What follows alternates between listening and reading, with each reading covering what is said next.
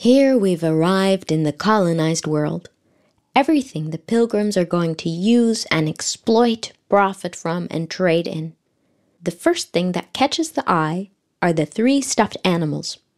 The most important of these is the beaver, because it provided the fur from which the fashionable hats that were so popular in Europe at that time were made.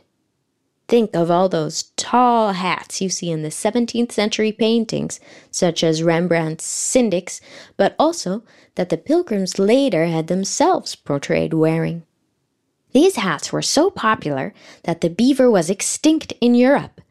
And some 50 years after the founding of Plymouth Colony, the beavers in America had also almost died out.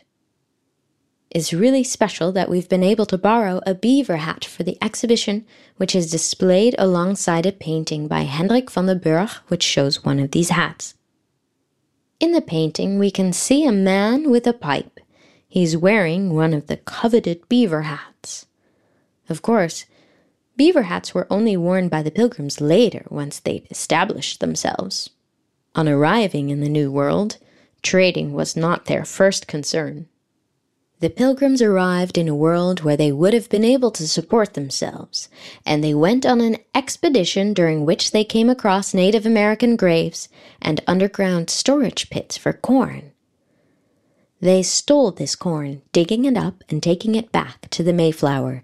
They were able to recognize it as corn thanks to a book that is also displayed in this room. But they also quickly figured out you could make gruel from it, bake bread, and at some point they decided to grow their own crops.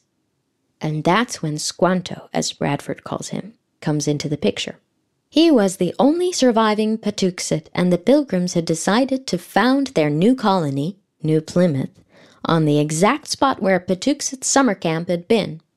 It was Squanto who showed them how to prepare the ground with dried herrings or fish to make the ground fertile and he also explained how to plant corn, beans, and pumpkins.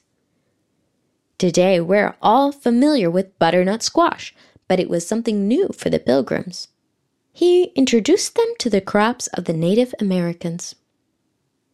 Displayed a little further along is a replica of William Bradford's account of Plymouth Plantation, a handwritten account. He also recounts that a large harvest festival was held in September.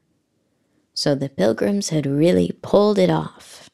And turkey, in particular, would later become enormously important in the perception of that first harvest festival, because it was then that the first harvest festival was described as a Thanksgiving. It became a national celebration with George Washington, and later, in the 19th century, Abraham Lincoln declared Thanksgiving a national holiday.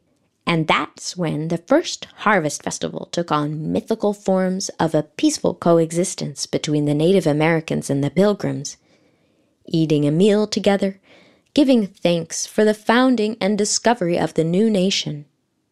Of course, this was all very much viewed from a Western perspective. Now I'd like to take you to the other side of the room where you can see two maps of the area where the pilgrims arrived, the area that would later become known as New England.